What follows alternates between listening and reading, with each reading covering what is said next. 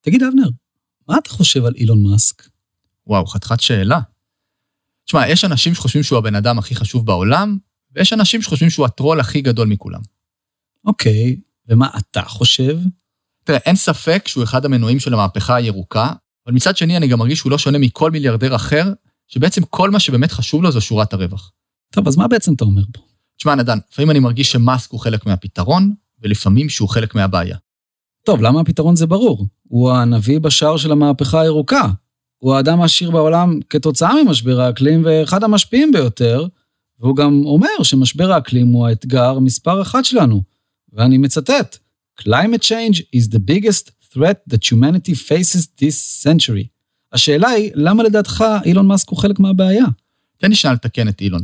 זה לא דיסנטרי, זה לא במאה הזאת, נדן. זה האיום הכי גדול שהאנושות עמדה מולו בכל הזמנים. אבל שאלת למה הוא חלק מהבעיה? אז בוא, בשביל זה יש לנו פרק שלם.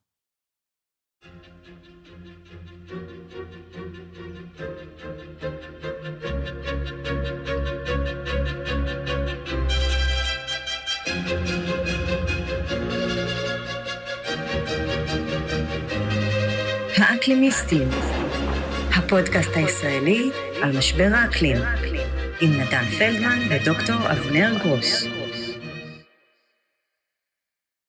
היום באקלימיסטים, האם אילון מאסק הוא הפתרון שלנו למשבר האקלים, או שמא הוא הבעיה? האם מאסק הוא נביא המהפכה הירוקה, או משיח שקר במכונית מלוטשת? האם אילון מאסק הוא האדם החשוב בעולם, או הטרול הגדול מכולם?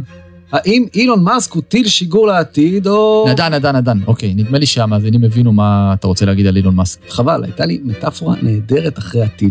טוב, אבנר, אבל למה אילון מאסק הוא הבעיה?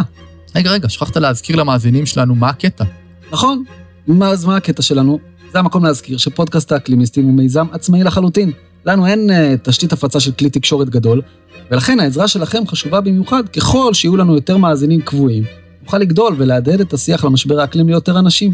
אז אנא, תעשו עכשיו subscribe או follow לפודקאסט שלנו בספוטיפיי או באפל או גוגל או כל פלטפורמה אחרת שבה אתם מאזינים לנו. כמו כן, מוזמנים לדף האקלימיסטים בפייסבוק או לטוויטר האקלימיסט, שם אבנר משגר לכם ציוצים חדים ומלמדים בתדירות יומית. ועכשיו, אבנר, סוף סוף תענה לי, למה אילון מאסק הוא הבעיה? רגע, רגע, רגע. לפני זה, בוא ננסה לענות על השאלה הגדולה. מהם בעצם הפתרונות האפשריים לבעיה? אז אני חושב שאפשר להסתכל על זה בשלוש דרכים. אז הדרך הראשונה היא לא לפתור את משבר האקלים, או בעצם לפתור אותו לאט. כלומר, אה, להמשיך לצמוח כלכלית בכל מחיר, גם אם זה כולל המשך שריפת דלקים ופליטות גזי חממה, ולקוות או שהמשבר לא יהיה כזה נורא, או שמתישהו נמצא טכנולוגיות מספיק יעילות שיאפשרו לנו להמשיך לחיות עם דלקי מאובנים, אבל בלי משבר אקלים. כלומר, שהצמיחה הכלכלית חשובה יותר מהפתרון המשבר. אוקיי, ומה הדרך השנייה? אז הדרך השנייה היא לנתק את הפחמן מהכלכלה, לעשות מה שאנחנו קוראים לו decoupling, כלומר, לנתק את הצמיחה הכלכלית מפליטות הפחמן, וככה בעצם אפקט החממה יצטמצם והמשבר ידעך. והדרך השלישית היא להפסיק לצמוח כלכלית, או מה שנקרא degrowth, כלומר, להפחית את השימוש באנרגיה ובמשאבים באופן מכוון, תחת ההנחה הבסיסית שאי אפשר לצמוח אינסופית בעולם עם משאבים סופיים, ויש שקוראים לזה שגשוג ללא צמיחה.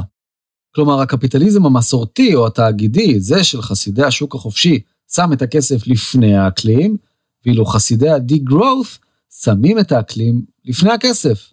איפה פה אתה ממקם את אה, אילון? אני חושב שאפשר למקם את אילון איפשהו בין הדרך הראשונה לשנייה. כלומר, הוא מרוויח כסף מלמצוא פתרונות לעצירת משבר האקלים. כלומר, אילון עוזר לנו לנתק את הצמיחה הכלכלית מפליטות גזי החממה. אז זו השאלה, האם הצורה שבה מאסק פועל באמת יכולה להוביל לניתוק הפחמן מהכלכלה? תראה, אין ספק שמאסק אחראי לפריצות טכנולוגיות שאמורות להקטין מאוד את הפליטות, שאגב, לא חשבנו שהן יהיו אפשריות רק לפני כמה שנים. כן, קראת פעם את ה mission statement של טסלה? תשמע, זה אולי ה mission statement הכי טוב שיש לחברה כלשהי. to accelerate the world transition to sustainable energy, להאיץ את המעבר של העולם לאנרגיה ירוקה, שהרי זאת בדיוק גם המשימה שלנו. זה מעולה. באמת מעולה.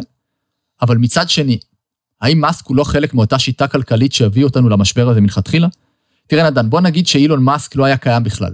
האם היינו במצב יותר טוב או פחות טוב מבחינה אקלימית? האם הפתרונות שהוא מעודד, שבבסיסם עומד המשך צריכה בלתי מרוסנת ושימוש גובר במשאבים, כי הרי כל אחד צריך אוטו של טסלה, זה הפתרון? השאלה אם מה שהוא מציע זו באמת הדרך לפתור את משבר האקלים. אז קודם כל בואו נתחיל מזה שייצור רכבים חשמליים האלה אה, זה תהליך מזהם. כמובן שזה עדיף על רכב עם מנוע רגיל, אבל אולי עדיף לנו שנתרכז בכלל בתחבורה ציבורית יעילה? ומה עם כל הסיפור שלו של הטיסות למאדים? הרי כל טיל שיגור של SpaceX שורף איזה 30 אלף גלונים של דלק, והמטרה של החברה הזאת, כמו כל חברה של מאסק, זה לצמוח כמה שיותר מהר, במקרה הזה לשגר כמה שיותר טילים. אז זה לא כל כך מסתדר לנו. בקיצור, אתה חושב שאילון מאסק לא מציע לנו שום שינוי אמיתי בשיטה הכלכלית שגרמה להרס הפלנטה. תראה, הרי מאסק בעצם מציע לנו עוד מאותו קפיטליזם שרואה את הצמיחה לפני האקלים. אז לפני שהוא אקלימיסט, הוא קודם כל קפיטליסט. השורה התחתונה היא שבכל צומת דרכים אני מתאר לעצמי שהוא יעדיף את הרווח. השורה התחתונה של הרווח, כן. תראה, אבנר, ברור לי שעבור מאסק, משבר האקלים זו הדרך להרוויח כסף, אבל אתה יודע, העולם שלנו מבוסס על קפיטליזם, ואילון מאסק מציע לנו בדיוק את זה, קפיטליזם ירוק, אותו decoupling שדיברת עליו. זה הרי זינוק אדיר קדימה. אנחנו עוברים מקפיטליזם שהורס את הסביבה, לקפיטליזם שמתחשב בסביבה. אז זו בעצם השאלה הגדולה שאני שואל את עצמי כל יום. האם קפיטליזם ירוק כזה, כמו שמאסק מציע, באמת יוכל להביא לניתוק בין הפליטות לכלכלה? האם זו הדרך שלנו לעצור את ההתחממות הגלובלית? תן לי לנחש. יש רגעים שאתה חושב שכן, ויש רגעים שאתה חושב שלא. מה, אני כזה שקוף? תשמע, כשאני חושב שכן, אני מזכיר לעצמי אה, איזה משפט שאני ממש אוהב של היזם אה, צ'אמת פלי אפתיה. הטריליונר הראשון בעולם יהיה זה שימצא פתרון למשבר האקלים. ובעצם בעיניי המשפט הזה אומר, מי שימצא דרך לעשות את הניתוק הזה בין העלייה בריכוז גזי החממה לצמיחה כלכלית, הוא הזוכה הגדול. זה לא חייב להיות מישהו אחד כמובן. ולא צריך גם סתם לעשות את זה, אלא לעשות את זה מהר. והשאלה שתקבע את הגורל שלנו בעצם, היא לא רק האם זה בכלל אפשרי לעשות את ה decoupling הזה, אלא אם אפשר לעשות אותו תוך כמה עשורים. כי אנחנו כל הזמן אומרים שנותר לנו חלון זמן קצר לעצור את ההתחממות, מתחת לשתי מעלות, כי מעליה אנחנו עלולים להגיע לנקודת אל-חזור אקלימית. נו, ולדעתך זה בכלל אפשרי לעשות את ה decoupling הזה בזמן, או בכלל? אז תראה, בוא נסתכל על דוגמאות מהעולם. בבריטניה, בקליפורניה, בגרמניה, בדנמרק ובעוד כל מיני מדינות מערביות, נראה שבעשור האחרון מתחיל ניתוק די מרשים בין הפחמן לכלכלה. בבריטניה למשל, הייתה עלייה בתוצר המקומי גולמי, ה-GDP, של 70 אחוז מ-1985 עד 2016, בעוד פליטות הפחמן עלו באותה תקופה רק ב-34 אחוזים. כלומר, יש סוג של ניתוק. בעשור האחרון, עם כניסה חזקה של אנרגיה מתחדשת, הפער הזה רק הולך ומתרחב עוד ועוד. כן, אבנר, אבל ברוב העולם, אתה יודע, סין, הודו, מדינות ענק, ההפך הוא הנכון, שם יש יותר ויותר ייצור מזהם, והביקושים לנפט וגז גדולים מאי פעם, תעשיות מזהמות כמו האופנה המהירה ותעשיית הבשר ממשיכות לגדול, מיליארד וחצי סינים נשאבים לתוך קדחת הצריכה, מיליארד וחצי הודים בדרך לשם. הניתוק יהיה הרבה יותר מורכב שם, כי הם פשוט בשלב אחר מהעולם המערבי. לא שאני מאשים אותם חלילה, כן? אתה צודק. אני אסכם את זה ככה. אני חושב שניתוק הפחמן מהכלכלה אפשרי לא רק טכנולוגית, אלא גם פוליטית וחברתית. השאלה, אם נוכל לעשות את זה מספיק מהר.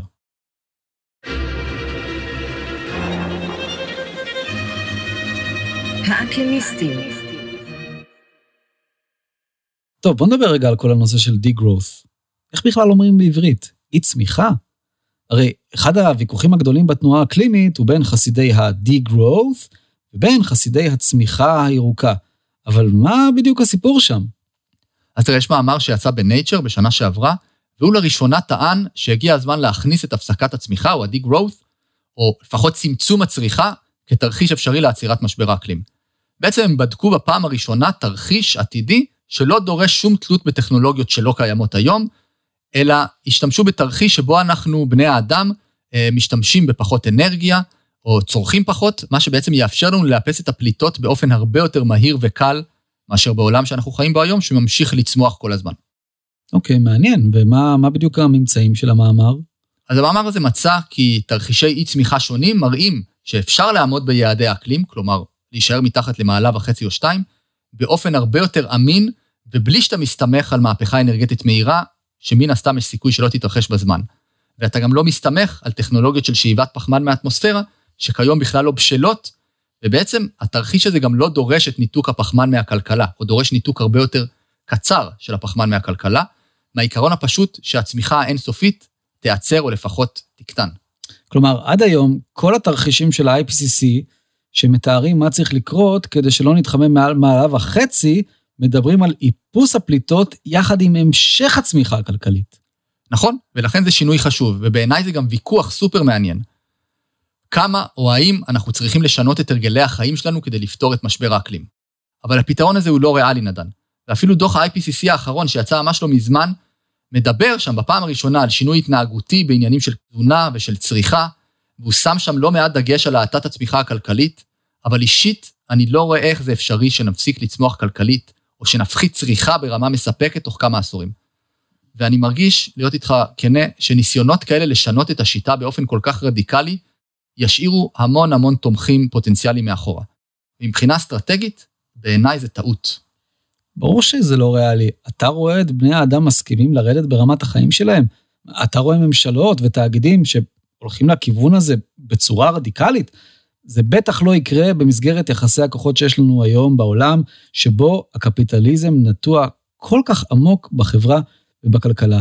אתה יודע מה, זה גם לא אפשרי פוליטית, וזה יכול בסופו של דבר רק להוסיף עוד אויבים למאבק במשבר האקלים. ואני חושב שאם היה לנו עכשיו זמן, אגב, לעשות שינוי חברתי וכלכלי כזה עמוק, אני הייתי תומך בו אה, בלי לחשוב פעמיים. הבעיה היא שאין לנו, והחלון הזדמנויות שיש לנו לעצור את האסון האקלימי הולך ונסגר. אז צמצום הקפיטליזם ומעבר מצמיחה לאי צמיחה, לצערי, כנראה לא יקרה בתוך שלושה עשורים.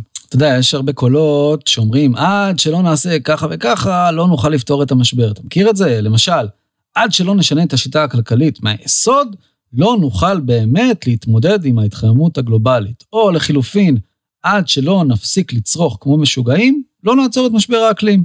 זה בדיוק זה, נדן, ולדעתי זו גישה מאוד בעייתית, שוב פעם, מהבחינה האסטרטגית.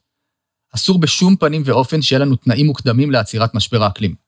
הרי התחממות נגרמת מפליטות גזי חממה, ולכן, לפחות תאורטית, אפשר לעצור אותן עם מהפכת אנרגיה מתחדשת, שבאה כמובן יחד עם התייעלות אנרגטית ואולי צריכה מוקטנת והפחתת טביעת הרגל האנושית על הטבע, אבל אני לא בטוח שזה דורש או שיש תנאי מקדים לשינוי השיטה הכלכלית. אז אני חושב שבגלל שאנחנו קצרים בזמן ולפתחנו עומד ענן שחור ענק, אנחנו ניאלץ לנצח עם מה שיש. מצידי שזה יהיה עם אילון, עם גרטה טונברג, עם נרנדרה מודי, עם שי ג'ינפינג, עם ג'ו ביידן, ותביא לי אפילו את ג'ף בזוס. ותשמע, זה לא מתאים לי לאופי, כי לרוב אני הרבה יותר רדיקלי, אבל בכל נושא האקלים אני חייב להיות מפוקח. זה בגלל תחושת אחריות שיש לי. ואגב, אני מבטיח לך שגם בהרכב הזה אנחנו ננצח. אה, האופטימיסט הידוע. אתה יודע, אבנר, יש מישהי שהיא קצת פחות אופטימיסטית ממך. אמרת גרטה טונברג, ואני חושב על הוועידה בגלסגו. אתה יודע, המדד שלי להצלחת הוועידה בגלסגו היה לראות כמה גרטה כועסת. והיא כועסת בצדק. אתה לא מאמין כמה הכלכלה שלנו קשורה ותלויה חזק בפליטות הפחמן הדו-חמצני. תשמע, לא מזמן הסתכלתי על גרף של מדד המניות האמריקאי, משנת 1900 ועד היום, אמרתי לעצמי כזה, בואנה, מאיפה זה מוכר לי הצורה שלו? ואז הבנתי שזה בדיוק אותו דבר, כמו גרף פליטות גזי חממה אה, בשנה באותה תקופה, מ-1900 ועד היום. וזה מדהים, זה מדהים, אתה חייב לראות את זה. חבל שמאזינים לא יכולים לראות את זה עכשיו בעיניים שלהם.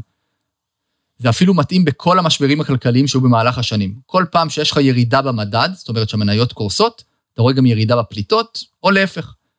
והאמת שזה לא מפתיע, כי לכל פעולה שאנחנו עושים בעולם הקפיטליסטי שלנו, יש עלות פחמנית מאוד גבוהה.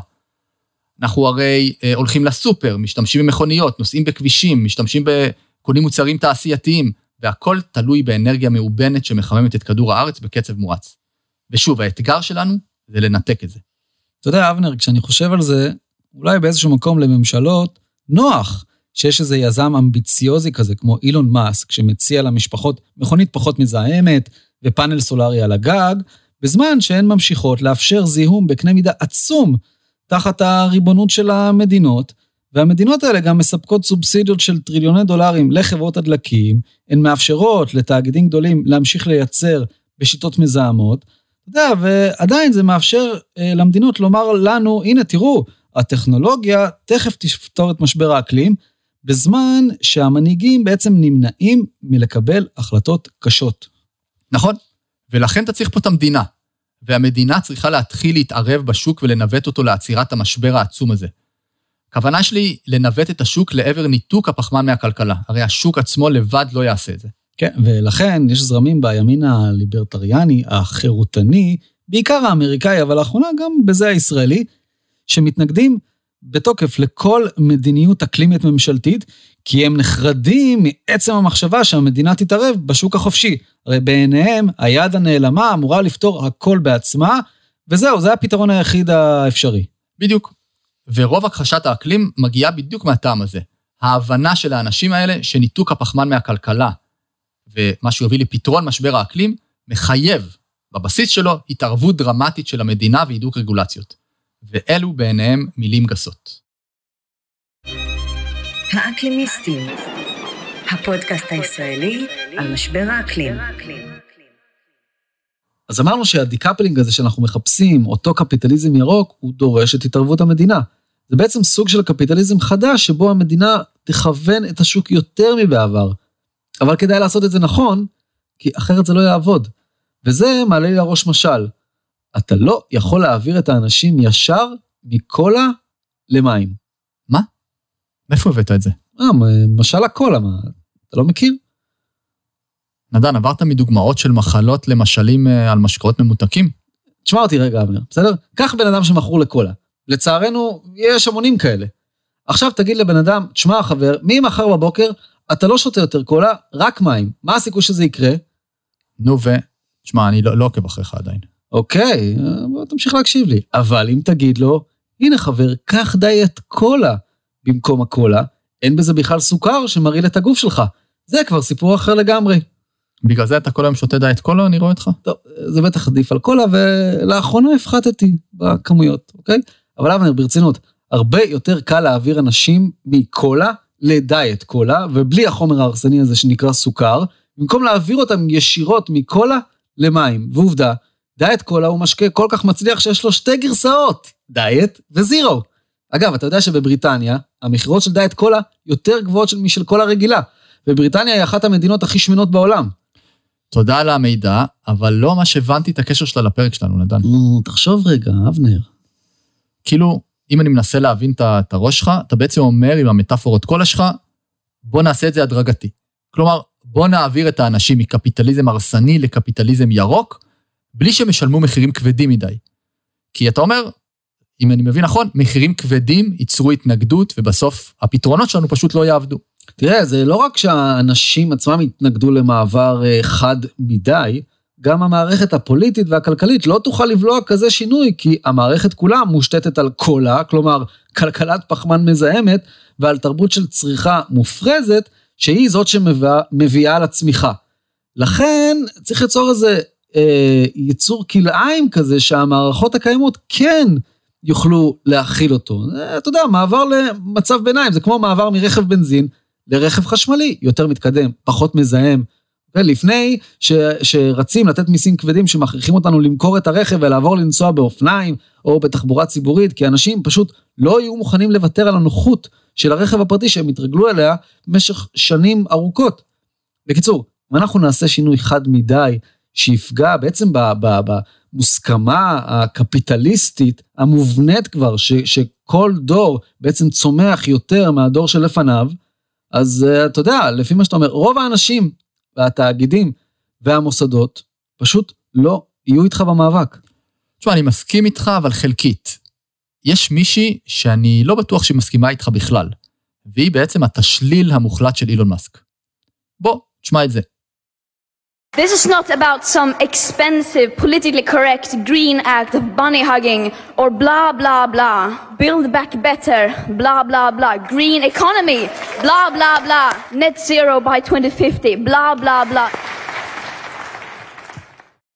כן, גרטה טונברג, הנערה האלמונית שהגיעה משום מקום, בשוודיה איפשהו, והפכה לפנים של משבר האקלים בכל העולם. בעצם הפנים של המאבק הנחוש שעל כולנו לנהל, כדי למנוע את הקטסטרופה האקלימית שעלולה לטלטל את האנושות כולה. תראה, אבנר, בקטע שהשמעת עכשיו, היא לועגת למנהיגי העולם רגע לפני ועידת גלסגו, ולמרבה הצער היא צדקה, אתה יודע, הוועידה הזאת הייתה הרבה מאוד בלבלה, ומעט מדי הישגים, אם בכלל. ובוא, בוא תשמע עוד קצת, שים לב למה היא אומרת בהמשך לנאום הזה. Words. Words that sound great, but so far has led to no action. Our hopes and dreams drown in their empty words and promises.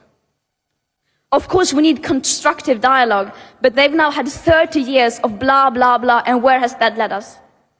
But, of course, we can still turn this around. It is entirely possible. It will take drastic annual emission cuts, unlike anything the world has ever seen. And as we don't have the technological solutions that alone can deliver anything close to that, that means we will have to change. We can no longer let the people in power decide what is politically possible or not. We can no longer let the people in power decide what hope is. Hope is not passive. Hope is not blah, blah, blah. Hope is telling the truth. Hope is taking action. And hope always comes from the people. Hope always come from the people. אני חושב שבמשפט הזה, או בכלל בכל הנאום הזה, גרטה מציבה לנו דרך נוספת לפתור את משבר האקלים, אולי קצת מנוגדת לזו של מאסק. הרי מאסק טוען שבעיית השורש של משבר אה, האקלים היא הפחמן שאותו צריך להוציא מהמערכת. גרטה לעומתו אומרת שהבעיה זו המערכת עצמה, ושאילון מאסק לא באמת רוצה, או אולי לא באמת יכול, לגרום לניתוק הירוק הזה בין פליטות לצמיחה. לפי גרטה, הבעיה היא במערכת הכלכלית והפוליטית עצמה, ולפי זה, מאסק הוא חלק מהבעיה. כלומר, לפי גרטה אין דרך ביניים, ואנחנו צריכים לעבור ישר מקולה למים. נגיד. כלומר, גרטה אומרת שההבטחות האלה של האופטימיזם הטכנולוגי, אה, האמונה שאם רק נשקיע מספיק אה, כסף בטכנולוגיה, היא תוכל לפתור את כל הבעיות שלנו, ובכללם את משבר האקלים, הן בעצם עוד בלה בלה. זה, אה, אפשר לומר, חלק ממשיכת הזמן של, של מנהיגים שלא מוכנים לקבל החלטות גורליות, ובאמת לעשות מעשים אמיצים. אפילו יותר מזה, היא טוענת שהמערכת הכלכלית והפוליטית הקיימת לא מותאמת לאתגרים שעומדים מול האנושות. ולכן המנהיגים ממשיכים להבטיח דברים שהם לא באמת יכולים לקיים. גרטה טוענת שניתוק הפחמן מהכלכלה זה תהליך שהמערכת כמו שהיא בנויה כיום לא מסוגלת לפתור. ולכן היא אומרת, חבר'ה, דרוש שינוי מערכתי. או יותר נכון, תשנו את סדרי העדיפויות הלאומיים והבינלאומיים. וזה מה שאנחנו צריכים לדרוש. היא שמה לנו מראה ואומרת, אתם לא רואים שהכל בלבלה? שהבטחות הקפיטליזם הירוק הן מכוונות רווח ולא אקלים? אז גרטה מבקשת שנדרוש שהמערכת תהיה מכוונת אקלים ולא מכוונת רווח. כן, זה בדיוק המסר של גרטה, לגרום לנו להתעורר עכשיו, לפני שהיא מאוחר מדי, לפני שהחיים שלנו יעברו טלטלה בלתי הפיכה, כי האוקיינוס ישטוף את הערים, ובצורות קשות יכולות לגרום להגירה של מיליונים ולרעב נוראי. שריפות ענק יאיימו על המערכת האקולוגית אה, כולה, לפני שאתה יודע, יקרסו לנו יערות ענק כמו המזונס, או בקיצור, לפני שזה יהיה מאוחר מדי. כן, כן, גרטה אומרת לנו, מנהיגים יקרים, אתם חייבים לשנות את המערכת הכלכלית, אתם חייבים להעיף את הפחמן מהכלכלה המזהמת שלנו, ואתם חייבים לעשות את זה עכשיו, ואם לא תעשו את זה, אנחנו נדאג להחליף אתכם.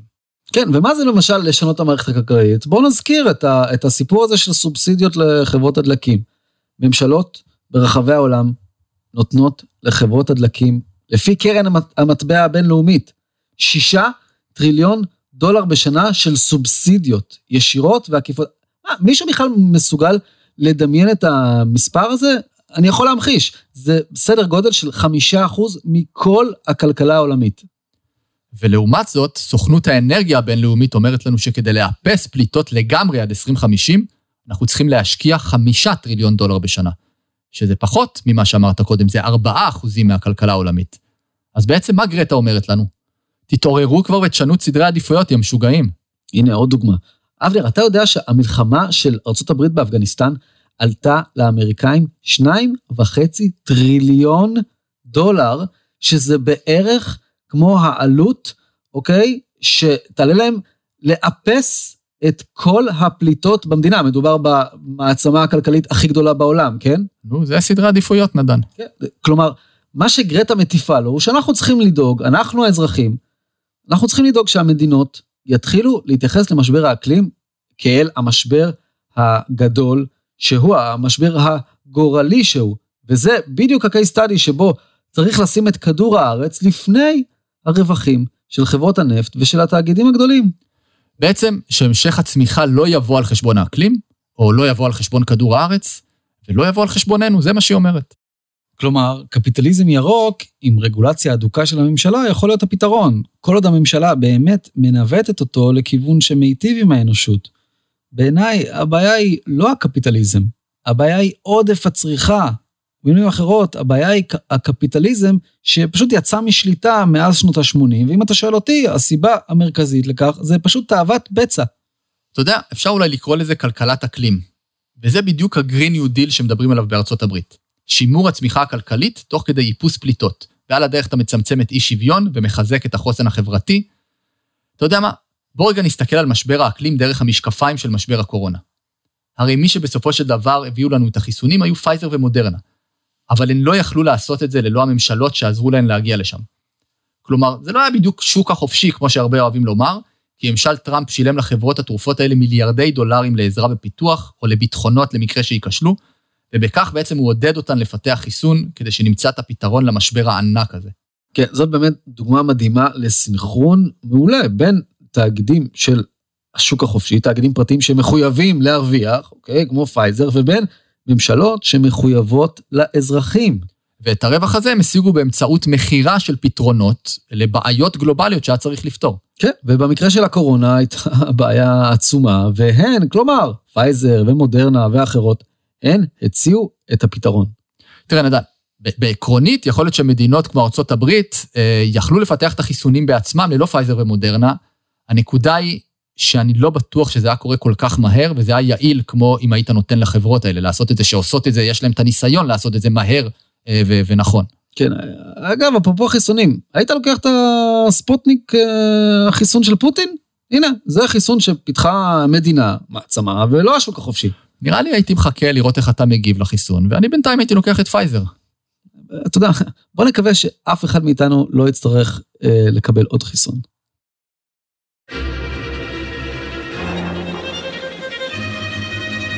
האקלימיסטים. טוב, אבנר, בוא נסכם את הפער בין גרטה למאסק. אני חושב שאילון אומר למדינות, שבו בצד ואל תתערבו, אני כבר אמצא פתרונות אקלימיים. אבל גרטה אומרת לנו, לא, אתה לא תעשה את זה לבד, כי אתה מכוון רווח ולא אקלים. ופה המדינה חייבת להיות מעורבת יותר ולהתחיל לקחת אחריות על המשבר, ולהכריח את השוק, במרכאות, את האילונים, את המאסקים, את הכלכלה, ללכת לכיוון אקלימי, לשים את האקלים לפני הרווח. או במילים אחרות, אה, אתה יודע, לעשות אה, קורוניזציה למשבר האקלים, אוקיי? בקורונה ובפיתוח החיסון לקורונה זה הרי עבד אה, מדהים.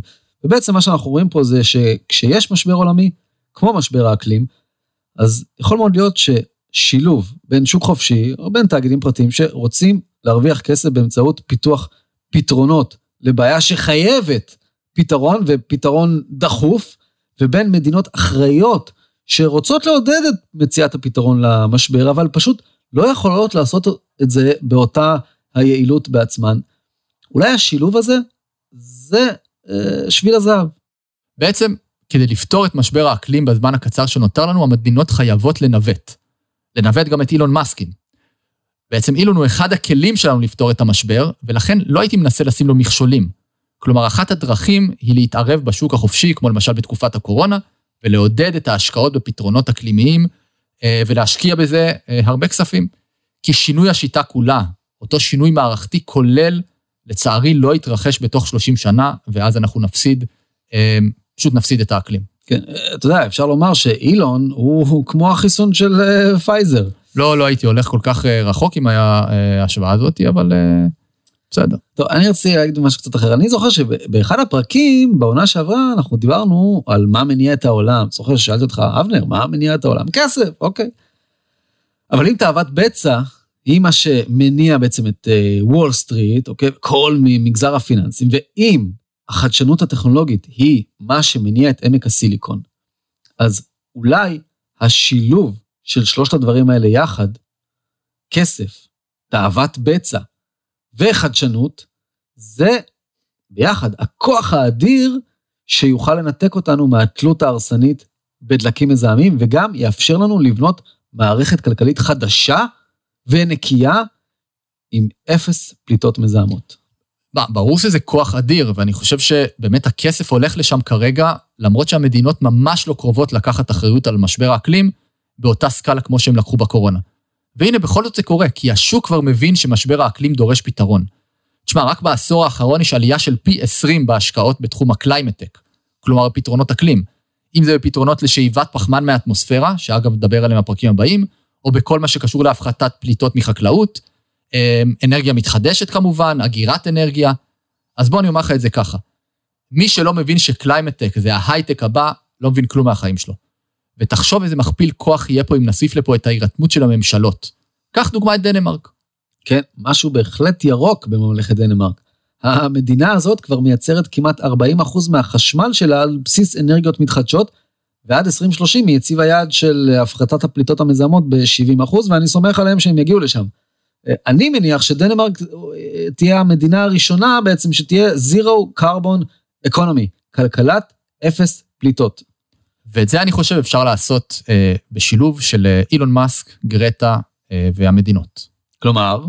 כלומר, גרטה אומרת למנהיגים, תהיו כמו דנמרק, לא? קחו אחריות, כי בכוחכם ורק בכוחכם להתוות את הדרך שנפסיק את השימוש בדלקים מזהמים. המדינה למשל יכולה להעלות מיסים, כמו מס פחמן, לעודד את המעבר האנרגטי, היא יכולה, כמו שאמרנו שעשתה בקורונה, לתת מענקים גדולים וסובסידיות וביטחונות לחברות שיפתחו פתרונות אקלים על חשבון פתרונות אחרים מזהמים, זה עניין של סדרי עדיפויות. אז אה, גרטה תתעסק בלהכריח את המנהיגים לעשות את זה, אילון יתעסק בפתרונות הטכנולוגיים. טוב, כמו שאמרת בתחילת הפרק, בחלון הזמן הקצר שנשאר לנו, אנחנו נאלץ לפתור את משבר האקלים עם מאסק, עם גרטה, עם שי, עם ג'ו ביידן ועם ג'ף בזוס.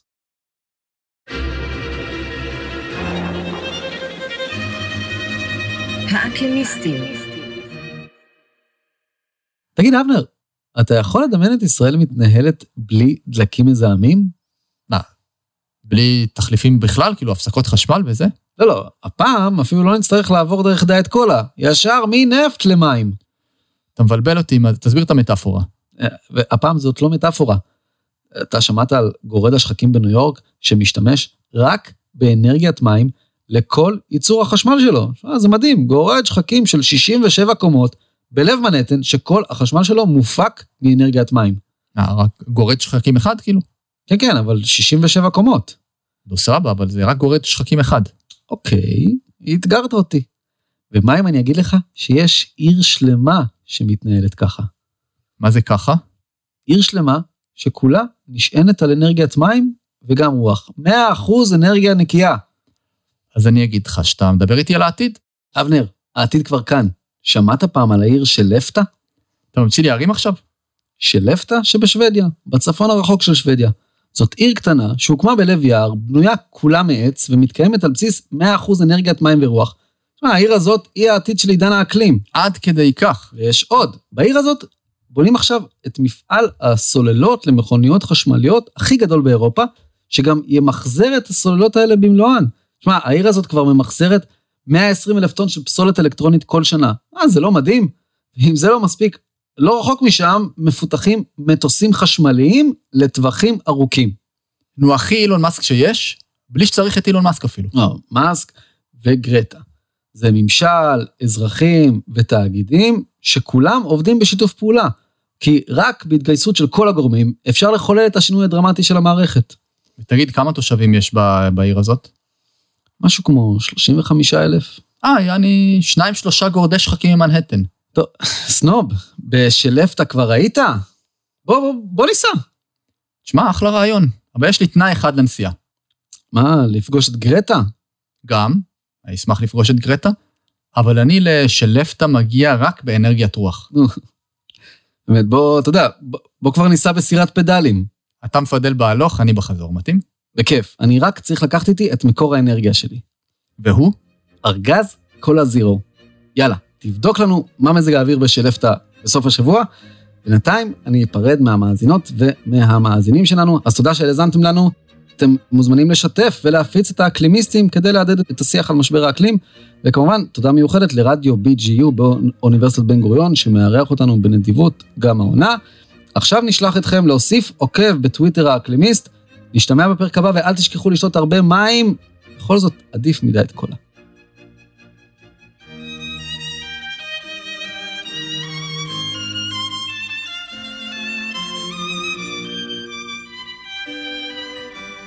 האקלימיסטים, הפודקאסט הישראלי על משבר האקלים, עם נתן פלדמן ודוקטור אבנר גרוס.